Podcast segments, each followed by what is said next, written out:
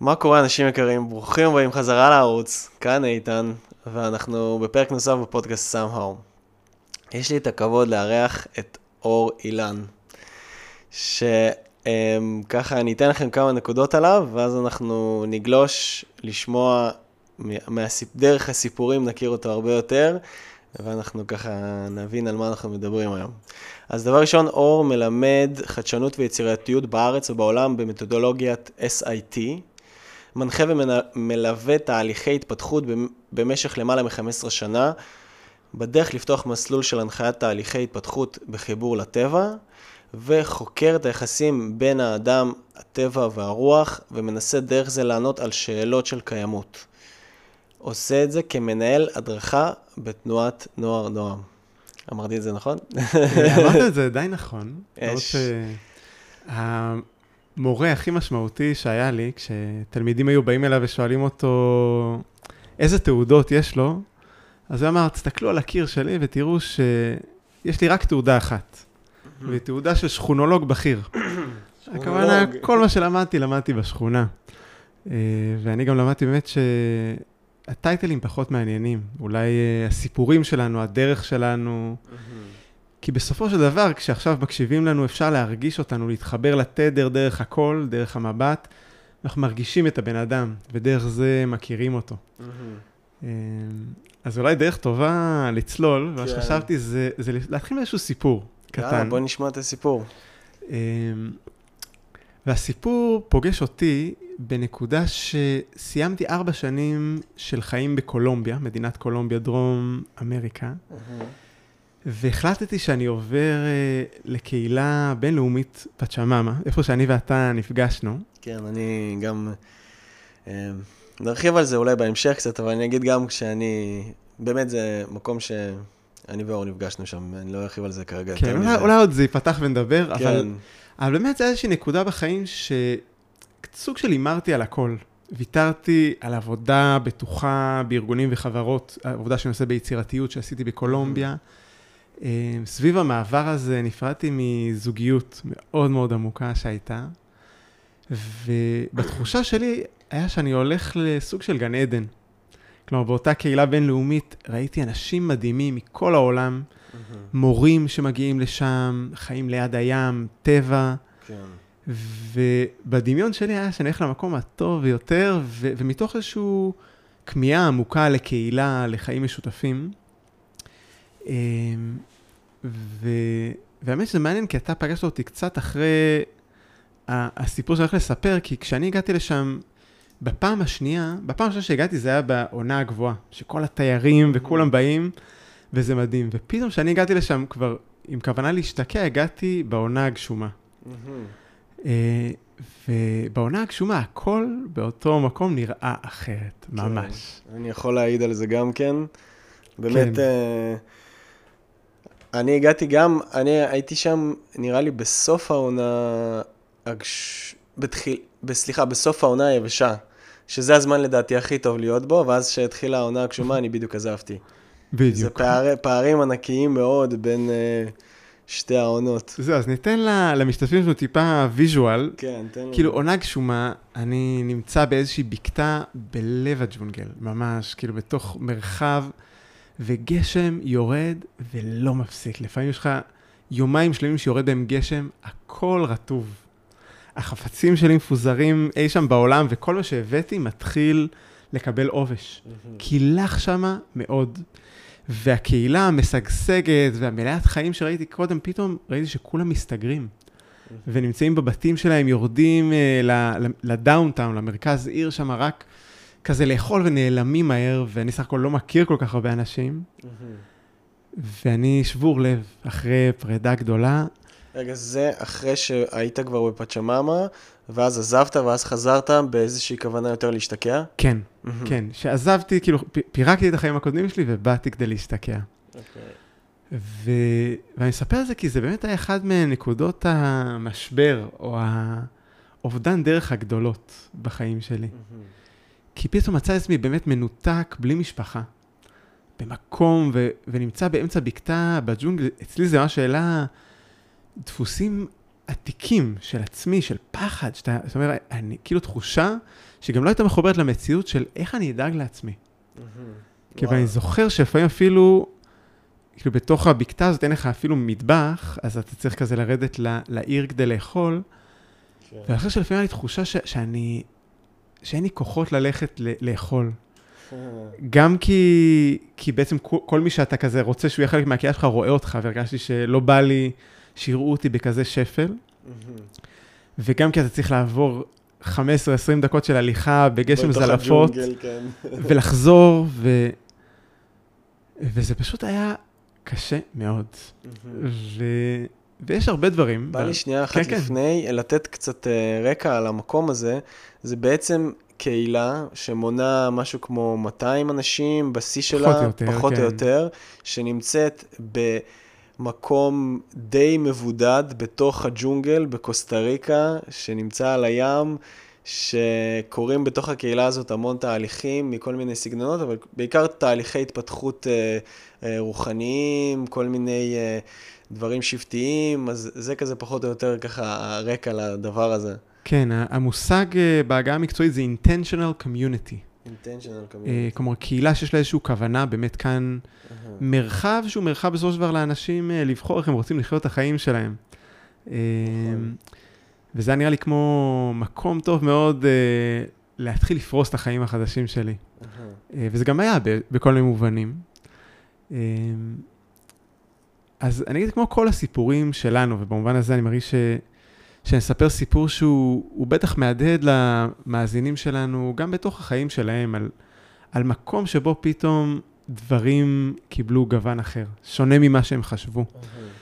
אה, ובתוך זה אני רוצה גם כאילו לדבר קצת על הנושא שלנו היום, באמת על, על, על מסע שלנו למצוא את הדרך הביתה.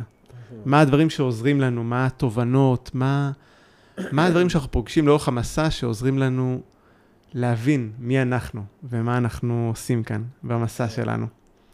שזה בעצם הכוונה של הפודקאסט שלנו היום, שלא הזכרנו את זה. נכון מאוד. לחזור הביתה. אה, לחזור הביתה, לחזור הביתה במובן העמוק, ובאמת אני מזמין אותנו כאילו להתחבר עם הכוונה הזאת ולהרגיש איפה אנחנו, ביחס לבית, ללב שלנו, ל... לחלק המהותי של מה שאנחנו רוצים וצריכים לעשות כאן בעולם. אני חושב שבמידה מסוימת, אני הרגשתי את זה תמיד בתוך עצמי, לכולנו יש כמיהה גדולה לחזור הביתה. ואולי אני אגיד עוד מילה, מה זה אומר לחזור הביתה? זה שכל החלקים של עצמנו יקבלו מקום בתוך השלמות הפנימית. אני חייב להגיד שאתה, שהנושא הספציפי הזה, הוא תופס אותי ב... בזמן מאוד מדויק, סליחה, בגלל ש... רגע, סליחה. לבריאות. נתקע לי משהו בגרון. אמ, אני, אני אצרף פה בקטנה את, ה, את זה שגם אני הייתי בקהילה הזאת, ואז חזרתי לארץ, והתחלתי פה איזשהו תהליך של השתקעות ו- והישארות ו- ושהייה במקום הזה, אבל אני לא הייתי מספיק זמן אולי כדי שההתאהבות הזאת תרד אצלי. אז ההתאהבות הזאת עדיין קיימת, לאו דווקא בהכרח בלהיות בפצ'ממה, אבל באיזשהו מקום של...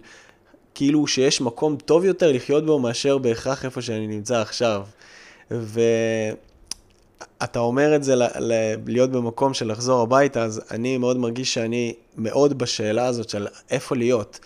האם, לחז... האם ארץ ישראל זה המקום בשבילי? נורא דחף לטוס, לראות, לחפש.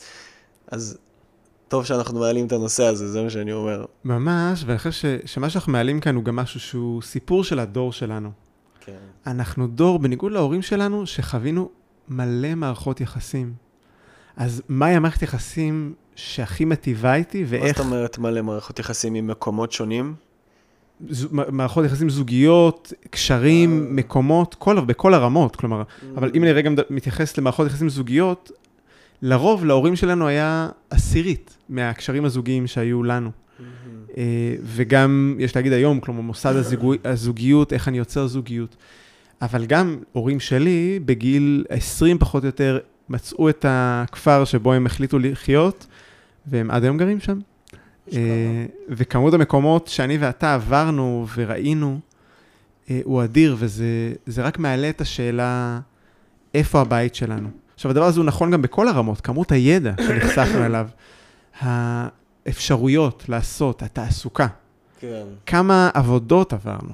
כן. כל הדבר הזה אה, מע- מעצים את המורכבות של מי שאנחנו, ואיתו את האתגר לשזור את כל החוטים האלו של, של מי שאנחנו לסיפור אחד, ש, Mm. שבהקשר הזה כאילו אתה הוספת אור מאוד מאוד נכון, כאילו האם אני במקום הנכון? זה, זה התחושה כן. של האם אני בבית?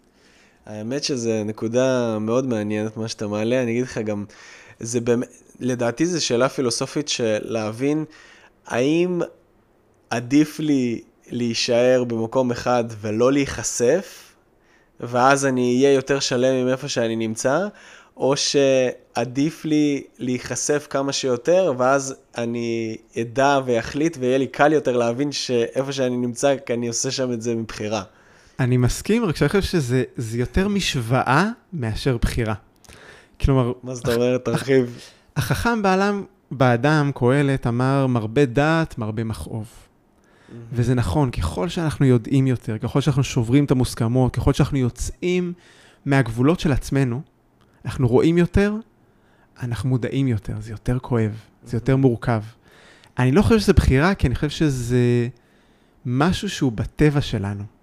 כלומר, מהניסיון שלי, או מהאנשים שיש בהם את האיכות הזאת של האש, שמחפשת ורוצה תשובות ורוצה לשבור מוסכמות. והחיים עצמם גם מזמנים לנו את, ה, את כל הסיטואציות, כמו שהסיטואציה שאיתה פתחנו, ששוברים לנו את התפיסה לגבי עצמנו, לגבי מה נכון, מה יעיל, מה, במה אנחנו טובים.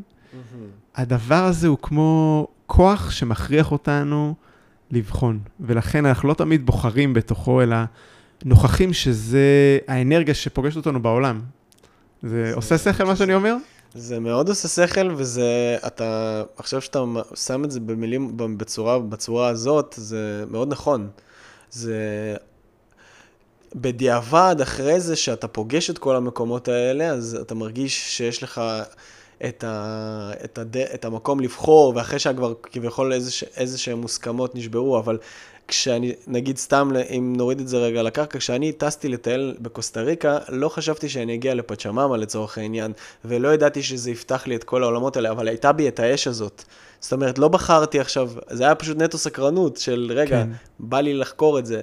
עכשיו בדיעבד, כבר יש לי כאילו כל מיני דברים שחקרתי, אז אני יכול להתנהל מולם, להשוות אותם לאיפה שאני נמצא. כן, אני רוצה לתת דוגמה שהיא דוגמה חזקה, שהיא גם מופיעה במסע שלי. אולי אני אתחיל מעצמי, שאני אני גדלתי ביישוב שהוא יישוב מעורב של דתיים חילונים, כפר אדומים. וכבר בגיל צעיר, אני חושב שראיתי את השאלה, אה, האם יש אלוהים? מאוד מאוד נוכחת. עכשיו, אבא שלי, הוא, הוא חינך אותי מאוד מתוך התפיסת עולם המדעית, רציונלית, לוגית. חושב שכמו רבים מאיתנו, שאנחנו גם בני תרבות המערב, היה שם תפיסה כמעט מטריאליסטית של האם אני יכול לראות את זה, לחוש את זה, האם המדע יכול להוכיח את זה, וכל העולם של אמונה ודת היה נראה לי כמו ממבו ג'מבו, כמו סיפורי כשפים. התקשיתי להבין איך אנשים יכולים להאמין בדבר הזה. וואלה. רגע, אז אתה גרת בכפר אדומים, אה, שהיה שם גם משפחות דתיות וגם חילוניות, ואתם הייתם כאילו משפחה חילונית שם. כן, בית חילוני עם נגיעת מסורת, אבל תפיסה מושרשת אתאיסטית מאוד חזקה. עכשיו, אני הרבה שנים הלכתי עם איזושהי זכיחות מסוימת, ו... אבל גם תפיסת עולם, שאמרתי, אלוהים לא רלוונטי בעולם שלי. אה, ו- וזה לא שלא הייתי במקומות רוחניים, אה, אולי ניגע בהמשך, אבל הייתי במקום מאוד רוחני. למעשה חיפשתי מילים שיוכלו לתאר את מה שמעבר. אז לפעמים פניתי לזה כתור האינסוף, או הרוח הגדולה, אה, ועדיין היה משהו שקרה לי לברר משהו סביב המושג של אלוהים. עכשיו, למה אני מקשר את זה? אני אומר שלדעתי, הצורך שלנו להתמודד עם השאלה הזאת הוא לא משהו שאנחנו יכולים לברוח ממנו. אהה. כלומר, להגיד אלוהים הוא לא רלוונטי לי, זה לברוח מחלק של עצמי. אהה. ואני אגיד את זה במילים אחרות. זה, לפעמים אנשים אומרים לי, אני לא מאמין באלוהים. ו, ולקחתי מאיזשהו סיפור חסידי, משהו שאני מאמץ אותו לעצמי, כאילו להגיד להם, אותו אלוהים שאתה לא מאמין בו, גם אני לא מאמין בו. ו-. ו- ולכן יש משהו באמירה, אני מאמין או לא מאמין באלוהים, שהוא הוא חוסר התמודדות במובן מסוים עם משהו שהוא נמצא בתוך התודעה האישית שלנו והתודעה הקולקטיבית. והמילה היא טעונה כמובן, אבל בעצם ההזמנה או המחשבה היא להבין מחדש מה זה אלוהים בשבילי. ואתה אומר את כל הדבר הזה בהקשר שאמרנו שיש בנו את הרוח הסקרנית, שרוצה להבין משהו ולחקור משהו ו- ולנסות להגיע לאיזשהו מקום יותר שלם עם עצמנו. זה הכוונה שלך? זה למה אתה מביא לכאן את הדבר הזה ש- של אלוהים? כן, אני חושב שאתה מחדד את זה מאוד. אני חושב שאם הייתי צריך להגיד את זה, בכולנו יש רצון עמוק, שהוא בלתי נשלט להבין את עצמנו. כן. בתוך העולם שלנו יש כל מיני דברים לא פתורים. כן. לפעמים אנחנו רוצים להדחיק את חלקם. נכון. כמו אנשים שאומרים, תשמע, אני לא מתעסק ביחסים שלי עם ההורים שלי. מהמם. בהצלחה. בסופו של דבר, כאילו, היחסים המכוננים שלנו עם הדמויות האלו, הן, הן חלק מהבריאות הנפשית שלנו. והקריאה הפנימית, אני מאמין של, נקרא לזה הנשמה, או האני הגבוה שלנו, הוא למצוא הרמוניה פנימית. למצוא דרך שבו הסתירות או המתחים הפנימיים מגיעים לידי שלום פנימי. כן. ומתוך זה בעצם מתחיל איזה...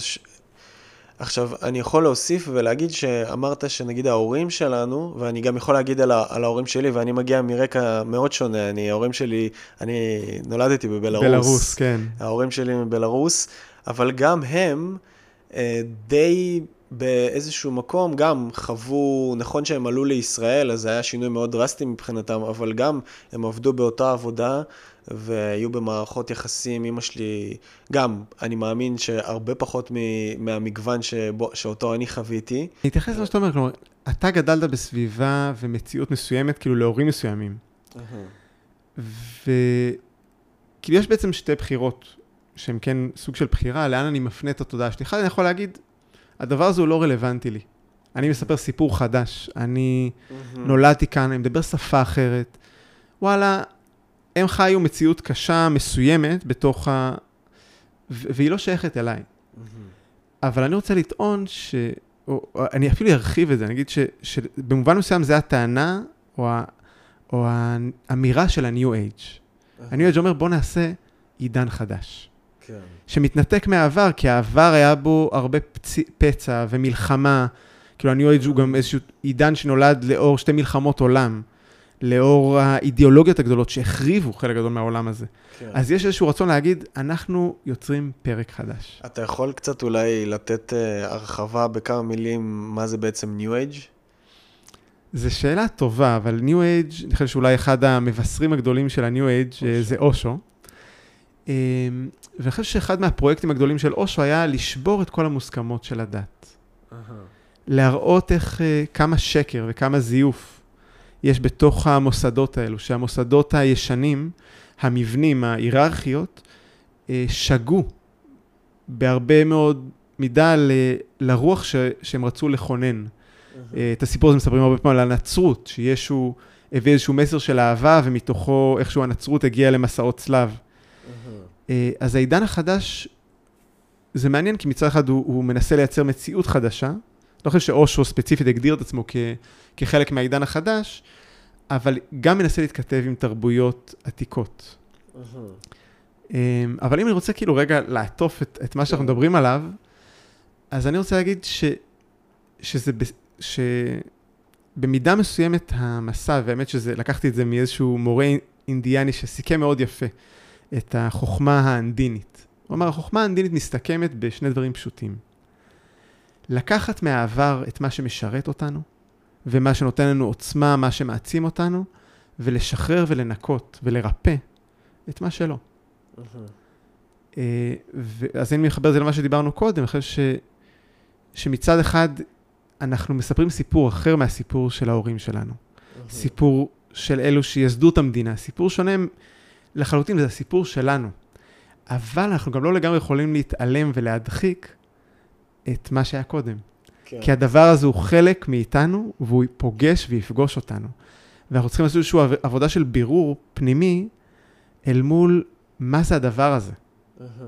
מרתק מה שאתה אומר, כאילו זה, אותי זה פוגש גם מאוד במקום של, אני גם כש, זה מצחיק שפצ'מאמה זה כאילו גם המקום הזה ש, שמבחינתי היה, אני לא רוצה להתעסק עם יותר עם דברים, כאילו בא לי להתנתק, בא לי לשכוח, ו, וכשהגעתי לשם זה היה באמת מקום של לא, לא מעניין אותי מה היה, כאילו, אני זוכר שגם בתור ילד היה בי תמיד את המקום הזה של, אל תספרו לי על השואה, כאילו, סבבה, בוא, בוא לא, לא נעמיק לזה, ואני בכוונה זורק פה משהו מאוד, אה, כאילו, כזה...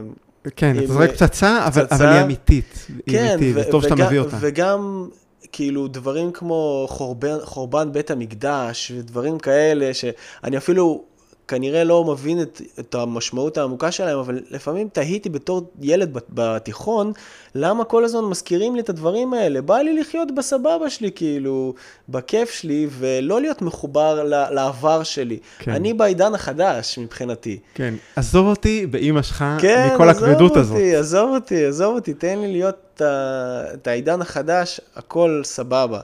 עכשיו, מה שקרה אצלי זה שחזרתי מפצ'מאמה, ורציתי, ו- והגעתי לישראל, ונהייתה קורונה, ואז נשארתי פה בארץ, והתחילו אצלי כל כך הרבה תהליכים כאן של לחשוב למה אני פה, מה, בעיקר אחת השאלות הגדולות זה, היו, למה אני פה? למה אני פה? למה אני פה? למה אני פה? למה אני מדבר עברית? למה אני, כאילו, ההורים שלי עלו לפה, אבל לא, נולדתי פה. ואני לא אגיד שיש לי תשובה חד משמעית לזה, אבל יש בזה משהו ממה שנגענו בו בהתחלה, שזה גם חלק בתוכי שקיים בתוכי, אני לא צריך... אם אני אגיד לו ביי ולהתראות ואני לא רוצה לקבל אותך, ממש. אז משהו פה מתפספס. אז יש איזה משהו פנימי שלא מוכן להשלים עם זה. ו- ואני חושב שמה שאתה מביא הוא, הוא מדהים, כי הוא ממש, אה, הוא מתממשק עם הסיפור שלי, והוא מתממשק במובן מסוים עם הסיפור של כולנו.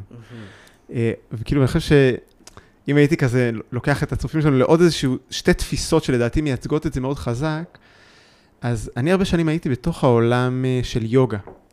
ואני מרגיש שאחד הדברים הבולטים במרחבים של יוגה ניו אייג'ית לפחות, זה לא כל כך נכון לגבי היוגה הקדומה, היא שיש ניסיון של, אה, של יוגים, של אנשים שמתעסקים ביוגה, לסדר את החיים שלהם כמו אלתר, כמו מרחב מקודש. ובאמת, אה, אחד הדברים הבולטים זה כאילו שבתוך הסטודיו, בתוך המרחב, הכל מאוד מאוד יפה.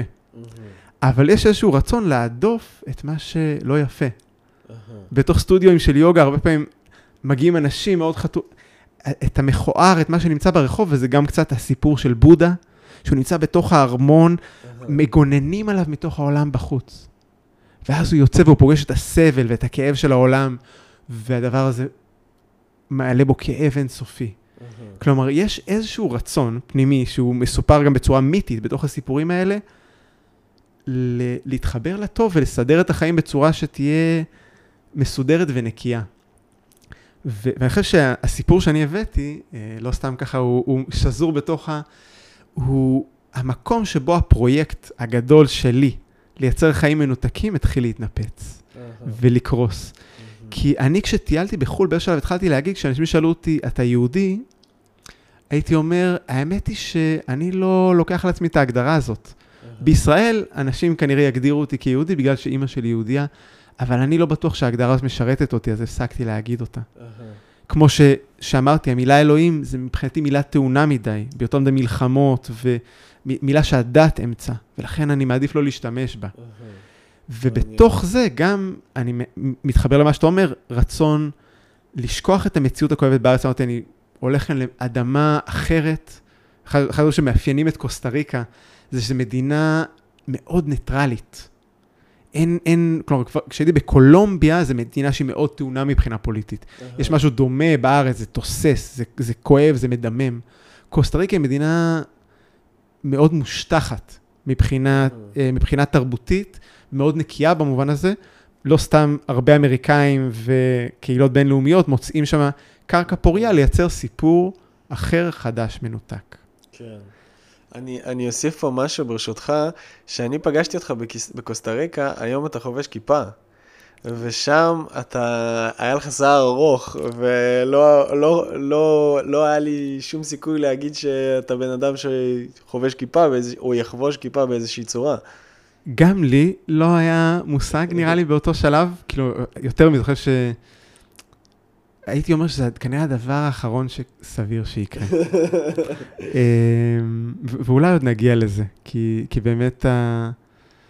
החזרה שלי לארץ uh, התלוותה בחזרה, אנשים יגידו חזרה בתשובה, אבל עוד מעט אולי נפרק רגע את המושג הזה, כי אני מרגיש שהוא מושג, uh, אבל, אבל חזרה, חזרה להכל, חזרה לכל הדברים שמהם ניסיתי לברוח. ואולי רגע לפני ש, שנדבר רגע על יהדות ועל הסיפור היהודי, כאילו אני גם רוצה לציין שאני נגיד גדלתי בירושלים בתוך תקופה של פיגועים. אוטובוסים התפוצצו. ברחבי העיר.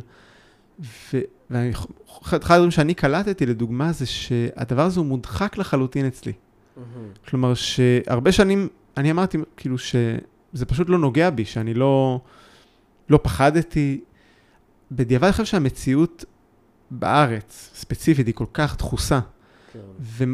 ומביאה לנו לפנים התמודדות עם דברים כמו שאתה אומר, שואה וחורבן בית וקונפליקט בין ערבים ויהודים, ש, שלפעמים אתה אומר, זה לא הסיפור שלי, ואתה כן.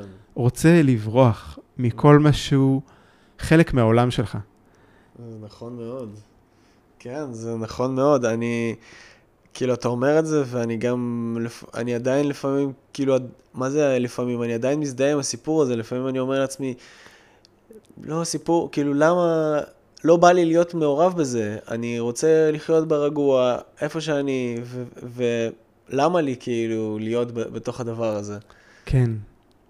כן, ודרך אגב, זה קול שגם נמצא בי ובכולנו, ו... והוא לגיטימי.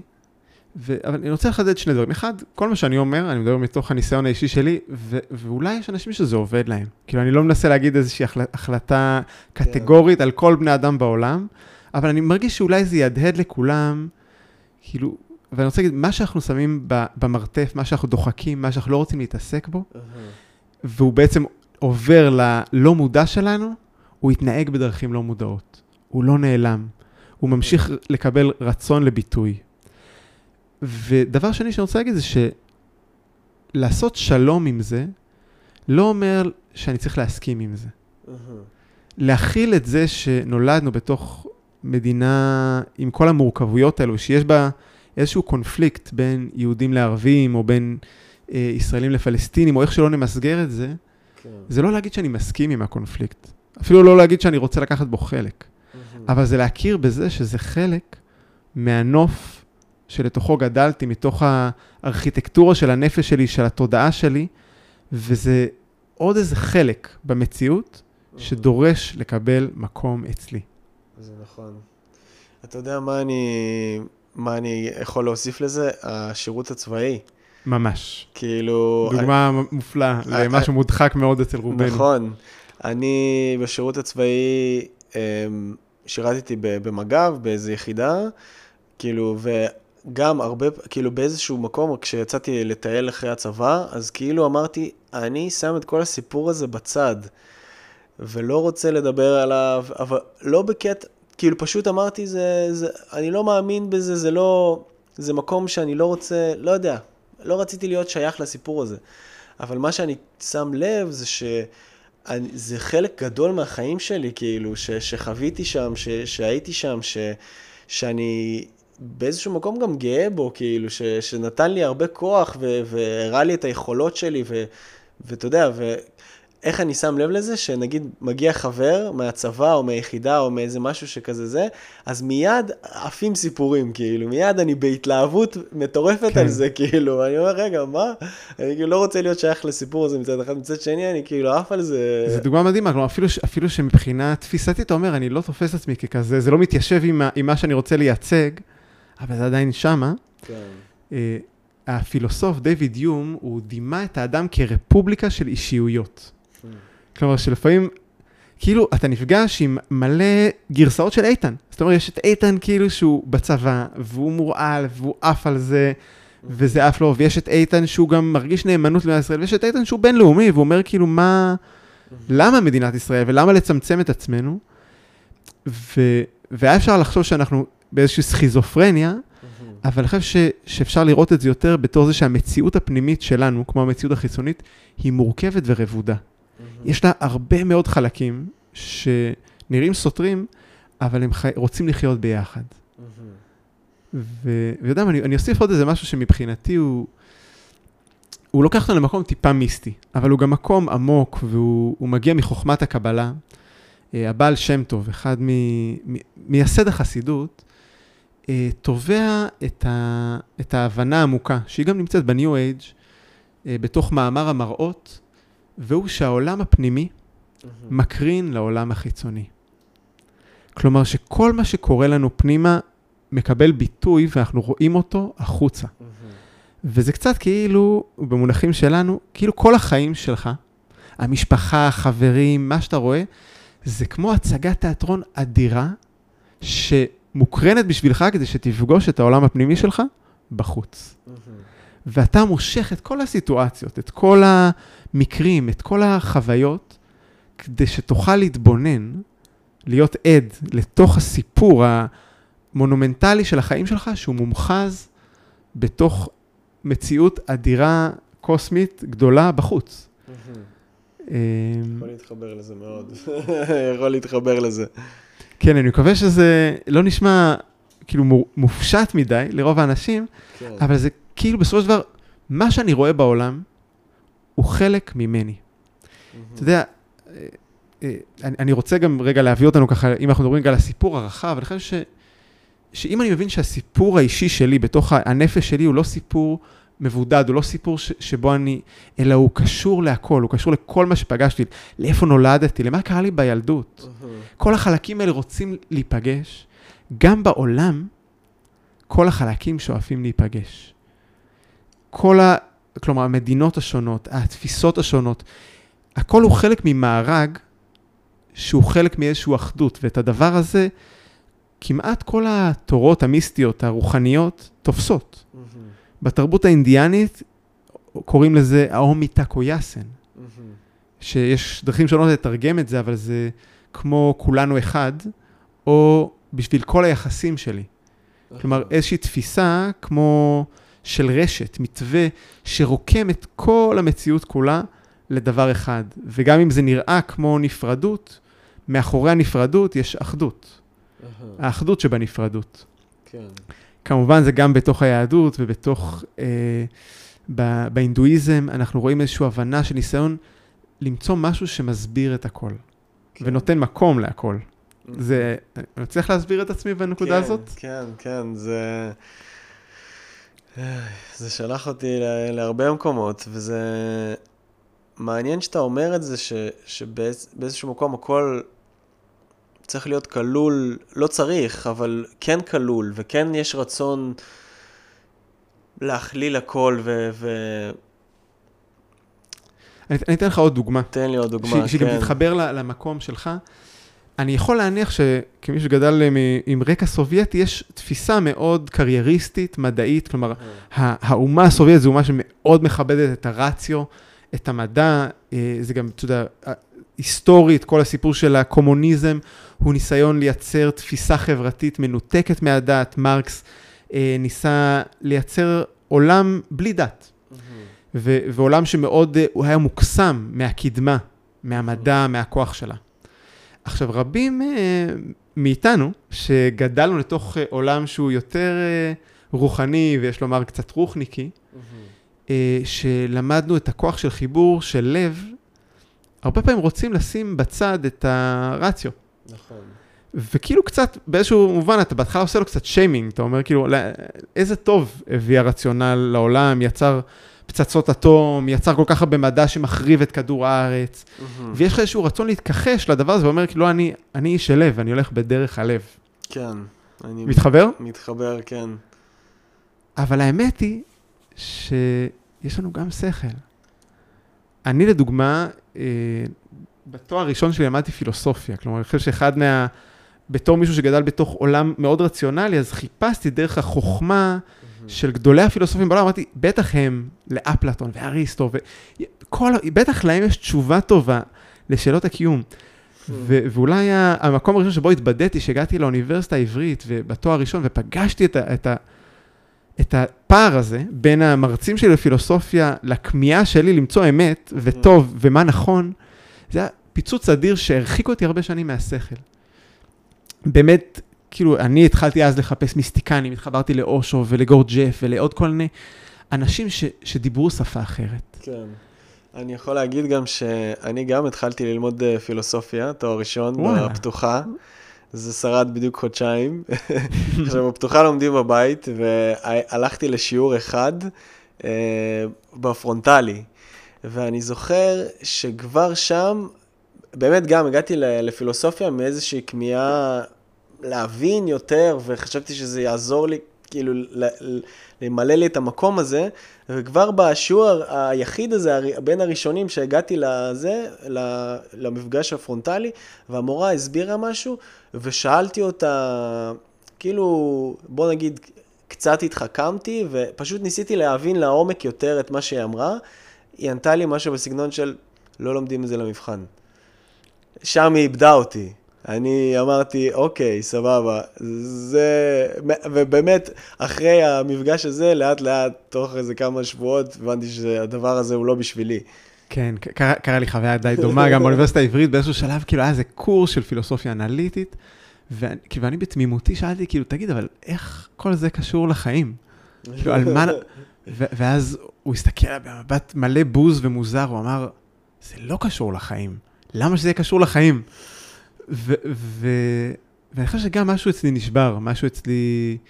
או, או לפחות הבנתי, יש להגיד, יש סו- סוגים שונים של פילוסופיה, אבל גם היום להגיד למישהו שהוא פילוסוף, זה יכול להיות כמעט כינוי גנאי בתוך באמת מה שהפילוסופיה נהייתה. אבל, אבל הנקודה שלי, זה שפילוסופיה זה לא בהכרח הכלי כדי להשיג אמת, ושיש חוויה אחרת, באמת חוויה של לב, כמו שאחד האורחים שלך בפודקאסט אה, תיאר בצורה מאוד יפה, לא אומר שאנחנו רוצים לזרוק את השכל לפח. נכון. לא אומר שאין לנו כמיהה עמוקה להשתמש בשכל. ובמדע, ברמה העולמית, כלומר, אם אנחנו רגע מחזירים את זה לרמה העולמית, האם המדע לא יכול להשתלב עם המיסטיקה וה, והפילוסופיה? הם, הם שואפים להיות ביחד. והתחושה הזאת שיש איזושהי דיכוטומיה ומתח ועולם של ויכוח, כן. הוא פשוט ביטוי לאיזשהו מתח לא פתור בתוך האחדות. כלומר, הדברים האלה הם ודאי שזורים, יש להם מקום בתוך המציאות, כי זה פשוט קיים. נכון. אז מעניין אותי למה יש לנו את הנטייה הזאת ל...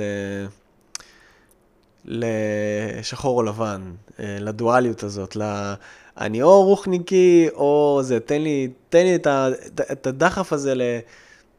כאילו מצד אחד, אני לא רוצה להיות בשום הגדרה, אבל זה שאני כביכול לא רוצה להיות בשום הגדרה, אני מאוד בהגדרה מסוימת, ואולי פשוט לא שם לב לזה. כן, אני חושב שאתה מתאר אה, משהו מאוד מאוד עמוק ב... בסייקיק, ב... בתודעה האנושית וב...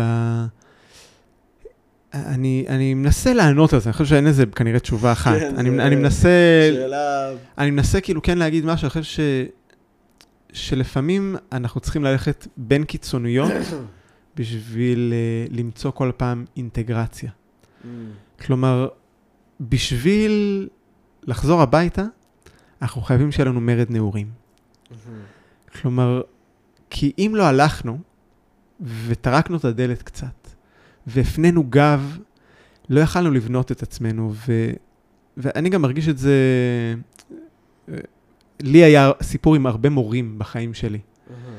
ו... והפער הזה נמצא גם שם, כלומר מצד אחד המורה הוא מישהו שמלמד אותך דרך ומתווה דרך.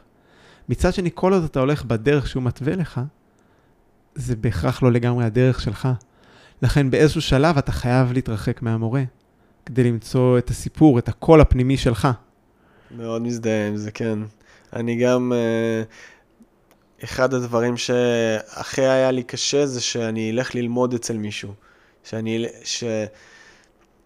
שכאילו, יש מישהו שיכול להסביר לי וללמד אותי, ו... ולמרות שבפועל הייתה לי, יש לי עדיין, ותמיד הייתה לי כמיהה מאוד גדולה ללמוד, ו... ושמישהו באמת יכווין אותי וידריך אותי, אז אני מכיר את המקום הזה של מרדנות, כזה של כן. אה, מי יכול ללמד אותי? כן, אם, אם אנחנו מדברים על מורים, אז אני יכול להגיד שבשבילי אחת המורות המשמעותיות ביותר, מורה בודהיסטית שפגשתי לאורך הדרך, והיא בדיוק באה אחרי ש, שסוג של התרחקתי מהמורה הכי משמעותי שהיה לי, שהיה מורה זכרי, מאוד יאנג, ו, ואחד הסיפורים שהיא סיפרה, היא אמרה שהעולם הדגיש באופן מאוד מאוד חזק את הצד הימני של הבודהיזם. הצד של מודעות, של תהיה מודע. אה, הצד אה, ש, שיושב במדיטציה באיזושהי עוצמה מאוד גדולה. אבל היא אמרה שבבודהיזם יש גם צד שמאל, כמו שיש בתוך העולם בכלל. מעניין. וצד שמאל הוא שאתה לא רק צריך להיות מודע לכל מה שקורה בחיים שלך ולראות אותו, אתה גם צריך לקבל אותו. ולאהוב אותו, ולחבק אותו. צד שמאל, במובן שלה, זה צד החמלה. ו... ואחד המנטרות הפשוטות והמקסימות ש... שלימדה אותי, אני מרגיש שהיא מורה שלימדה אותי יותר מכל דבר, זה איך לייצר דו-שיח אוהב ונוכח ו... ומחבק עם העולם הפנימי שלי, אה, זה אמירה, גם זה חלק ממני. גם זה חלק ממני. אה, עם איזושהי אמירה של, של גם זה חלק מ, ממה שאני, מהבית שלי. גם ההורים שלי הם, הם חלק מהסיפור שלי, וגם האחים, וגם המדינה שבה גדלתי. אה, חזק מאוד, אני רק אתייחס פה לאיזה. משהו. אני שם לב שיש מחנה משותף בין הרבה אנשים שאני מביא לפודקאסט שלי, שבסוף זה מגיע לתובנה ולמסקנה ולמילים האלה של גם, גם זה, או ללכת בדרך יותר רכה עם עצמך. כי אני חושב ש... לא יודע, משהו, משהו בי כל הזמן רוצה, דבר ראשון, משהו בי התחנך וגדל, אני לא יודע מאיפה זה הגיע, אבל יש בי משהו שמאוד מדבר בצורה נוקשה עם עצמו. ואם אני כביכול נפגש עם איזשהו אתגר, אז זה כאילו, יאללה, אני ש... עובר אותו דרכו, כאילו, בעוצמה, ב... והמקום הזה של גם להגיד, אוקיי, סבבה, אתה רוצה לעבור אותו, אבל אתה גם מפחד, בוא נראה איך אנחנו מת- מתייחסים גם לזה וגם לזה, איך אנחנו מכילים את זה בצורה יותר נעימה ואוהבת, אז היה, היה לי חשוב להגיד את זה, שזה משהו שכזה חוזר ב... כן. בשיח, מבחינתי זה מה שאני רוצה להביא גם לפודקאסטים האלה. כי הוא, הוא נמצא באוויר שלנו, באוויר של הדור הזה, של הזמן הזה. מהמם. כי המציאות פוגשת אותנו בצורה שמכריחה אותנו לראות וללמוד מורכבות, ולהכיל מורכבות.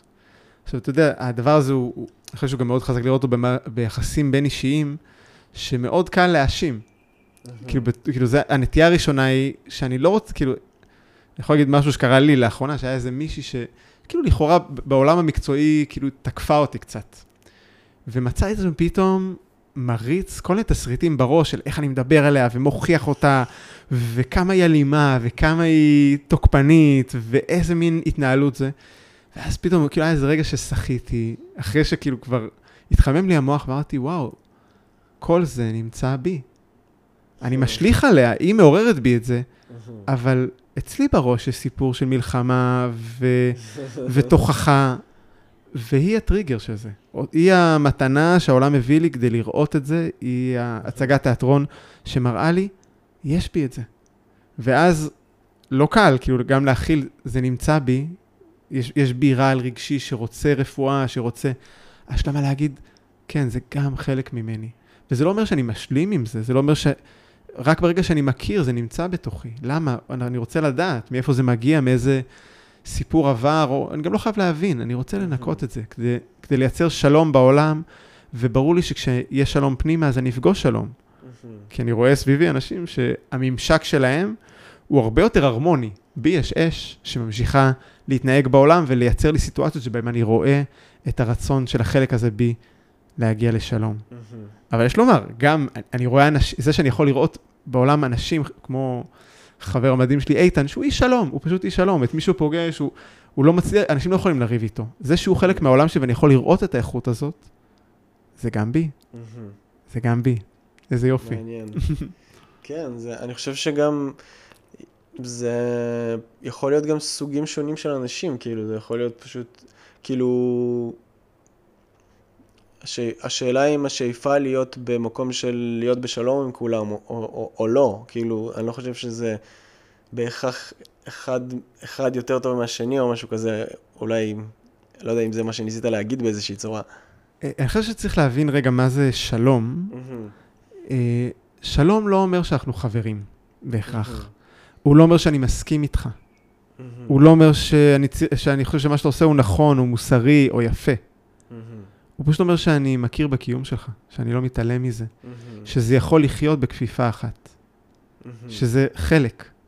אמ, וזה, וזה פשוט לתת לזה מקום שהוא לא מודחק, ו, וגם להגיד, הדבר הזה הוא, אני, אני, כלומר, זה לא שאני באמת אומר, אני לא רוצה שאלימות תהיה חלק מהחיים שלי, אבל אני מכיר בזה שיש בי אלימות. ושאם אני רואה אלימות בחוץ, זה אומר שזה גם נמצא בי. מעניין מאוד. הגיוני?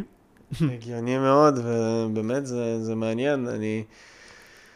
אה, היה עוד נקודה ש, שרציתי ככה גם להגיד ולהתעכב עליה, שגם פגש, פגשה אותי לאחרונה, זה שהמקום הזה שאנחנו הרבה פעמים מנסים להבין ולה, ולה, ולהגיע לאיזושהי מסקנה ותובנה ולדעת בדיוק מה קורה איתנו ולהמשיג את זה במילים, כש... כשבפועל אין מה כל כך להמשיג את זה במילים, צריך להרגיש את זה רגע, ולהיות עם זה, ו... לא יודע, זה כזה משהו שתפס אותי בדברים שאמרת, אני לא יודע אם זה מהדהד אני, אני אצלך. חושב ש- שזה, שזה נמצא שם, ש... כאילו, אני חושב שביטאת את זה גם יפה, שיש לנו איזשהו רצון להגיע למסקנה כוללת. לתשובה אחת, אין. למסקנה, ל... אתה יודע, אפילו ברמה האישית, כאילו, אני, מה התרגול שלי? מה, מה הדרך שאני הולך? מה, מי הבת זוג שמתאימה לי? מי...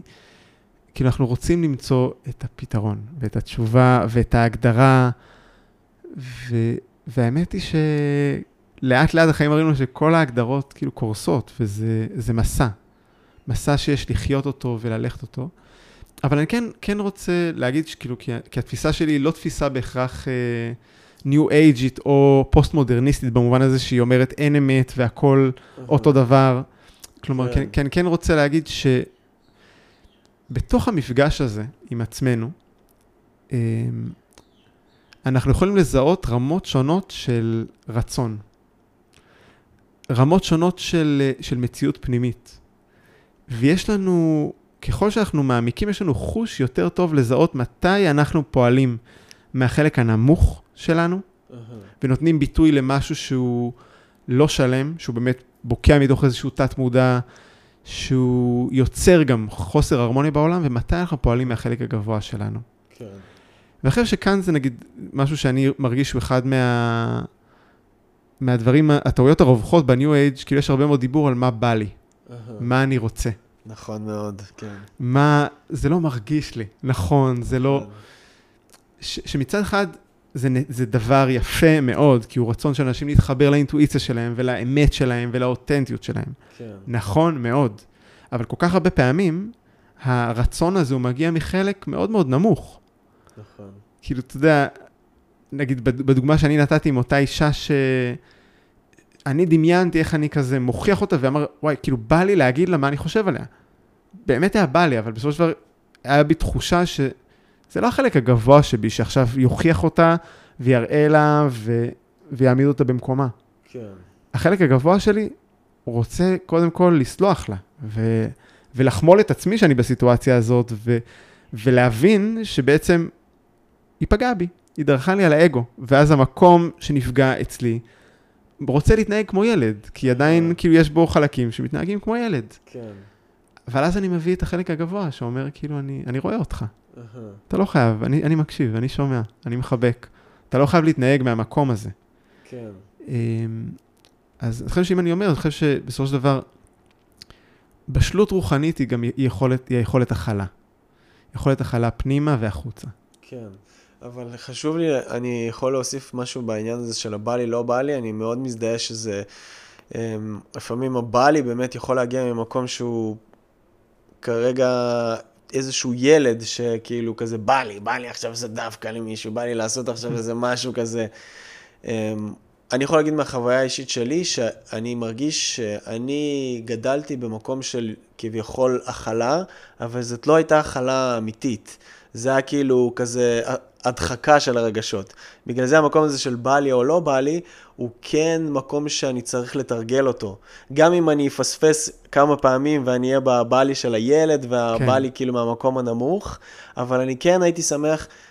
אני מדבר מהחוויה שלי, שלהרגיש את המקום הזה של בא לי, לא בא לי, בכלל להבין, כי להתחיל להיות גמיש, לעומת ללכת כל הזמן בהכלה, אבל כביכול באני הגבוה, אבל האני הגבוה שלא באמת מתמודד ולא באמת מרגיש ולא באמת מצליח, כאילו, הוא לא אמיתי, זה אני גבוה שאני שמתי על עצמי כי זה מה שנראה לי נכון לעשות בסיטואציה. כן, כן, אני ממש, מבין ממש מבין מה אתה אומר. זה חלק מהפלונטר של עצמנו, כן, לגמרי. כי, כי, כי, כי, זה, כי זה שם, כי בסופו של דבר, אתה צודק, לא, לפעמים מה שנראה כמו אני גבוה, הוא איזשהו דימוי עצמי וציפייה שלנו מעצמנו, והקרנה של משהו שהיינו רוצים להיות. כן. ומצד שני, יש שם, כמו שאתה אומר, ילד קטן שהוא גם, כאילו, יש לו, הוא רוצה להישמע, ולפעמים הוא גם צודק. נכון. הוא באמת צודק, יש לו צורך. הוא אומר, אני כאילו, אני עכשיו רעב, אתה כבר כאילו מחזיק אותי כאן עם איזושהי תפיסה שאתה, לא יודע, הולך להיות מואר, ואני רעב, אני רוצה כאילו שוקולד, אני רוצה, אני רוצה דברים בסיסיים. כן. אז, אז אני חושב ש... כאילו, המקום ש, שאנחנו מדברים עליו ומנסים לברר אותו ביחד, והוא יפה, הוא מקום שפשוט נותן מקום גם לגבוה וגם לנמוך. ואולי זה, זה נקודה... אני חושב שאנחנו בורחים מהאפלה של עצמנו.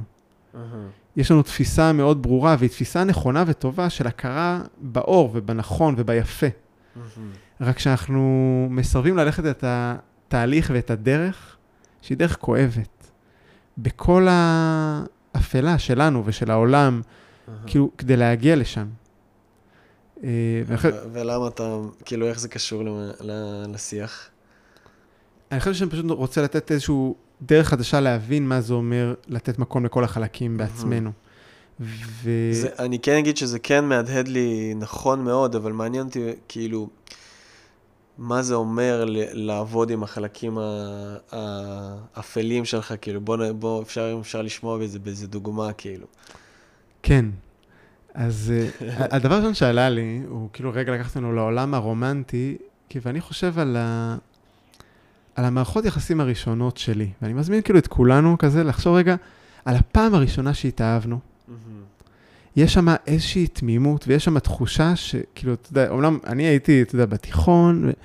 אבל הייתה תחושה כאילו, וואו, כאילו, היא מושלמת, ואני, ו... ואתה באמת באיזושהי אופוריה של התאהבות, התאהבות, אה, גם יש, יש הרבה אה, דיבורים ו... ו... וכתבים יפים שמראים עד כמה יש באמת נפילה של חומות האגו. אושו דיבר על זה מאוד יפה, על איך התאהבות זה, זה חלק מההערה, כי אתה, כל המחיצות נופלות, ואתה חווה את עצמך בעצם באיזושהי התמזגות עם מישהו אחר. ו... ואז, uh, they lived everly ever after. נכון? כאילו, זה, זה, זה נגמר ככה שאתם הולכים לעבר השקיעה, ולא, ואז בא הבוקר שאחרי. נכון. Uh, ו... ופתאום היא ואתה לא יכולים שלא להסתיר מיליון התנהגויות ומניירות ודברים לא פתורים. Mm-hmm. ואני חושב שזה פגש אותי, ו... ובהתחלה אתה כאילו, אתה מאשים אותה, ואתה אומר, רגע, למה את ככה, ולמה את לא מפרגנת לי כמו קודם, ולמה את לא אה, מתגנדרת כמו קודם, או כל סיפור אחר שאנחנו משליכים החוצה, ושאנחנו קולטים גם על עצמנו, וזה שני סוגי התסביכים, או שאני, או שהבעיה היא בעולם, או שהבעיה היא בי, או שכאילו אני דפוק, ואני לא יודע מה קרה לי, ואני לא מסוגל לאהוב, ולמה אני חסום, ואנחנו מאשימים. אבל פתאום, מה שאנחנו נפגשים בו, הוא באפלה. הוא בכל החלקים שלא מתיישבים עם התפיסה של עצמנו. Mm. והדבר הזה, כאילו, כאילו, כילד אתה אומר, אוקיי, עשיתי טעות, היא לא מתאימה לי, אני לא מתאים לה, ה mind מיד אומר, כאילו, אחורה פנה, משהו לא בסדר. כן. אחרי שחלק מהבשלות זה להתחיל להבין שמערכות יחסים, יותר מכל דבר אחר, זה עבודה. כן. זה, והעבודה מתחילה אחרי שההתאהבות נגמרת. ללמוד ל, לראות את כל ההתנהגויות שלי ושלך ול, ולחזור ו, ולדעת, זה בסדר. זה גם חלק מהדרך שלי ושלך להגיע לאחדות.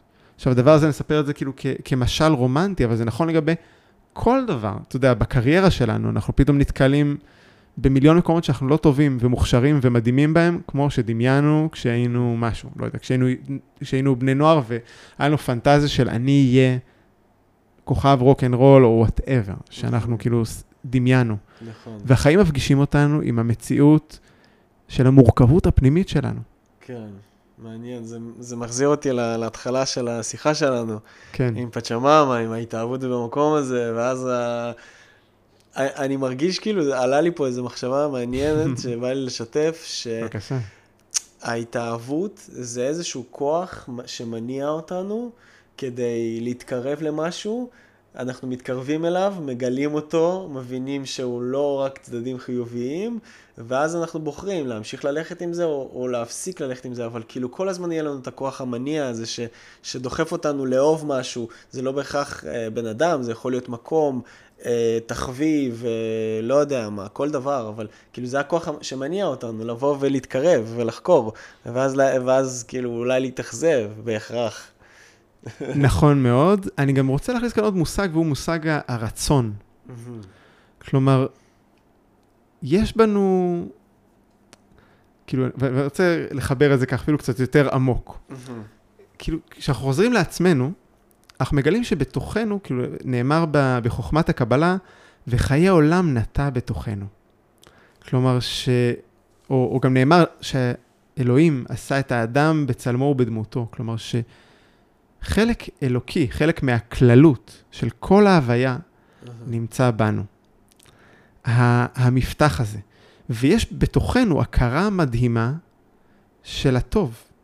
כאילו יש לנו חוש פנימי מדהים, הכרה של ערכים אוניברסליים מוחלטים, שבהם אנחנו, אנחנו כמהים, כמו שאתה אומר, לאהבה אינסופית ומדהימה בתוך הזוגיות שלנו. אנחנו יכולים לדמיין בתוך הרצון שלנו, אני, כולנו רוצים שיהיה לנו משפחה טובה, שנחנך את, את הילדים שלנו בצורה טובה, אנחנו רוצים קהילה טובה.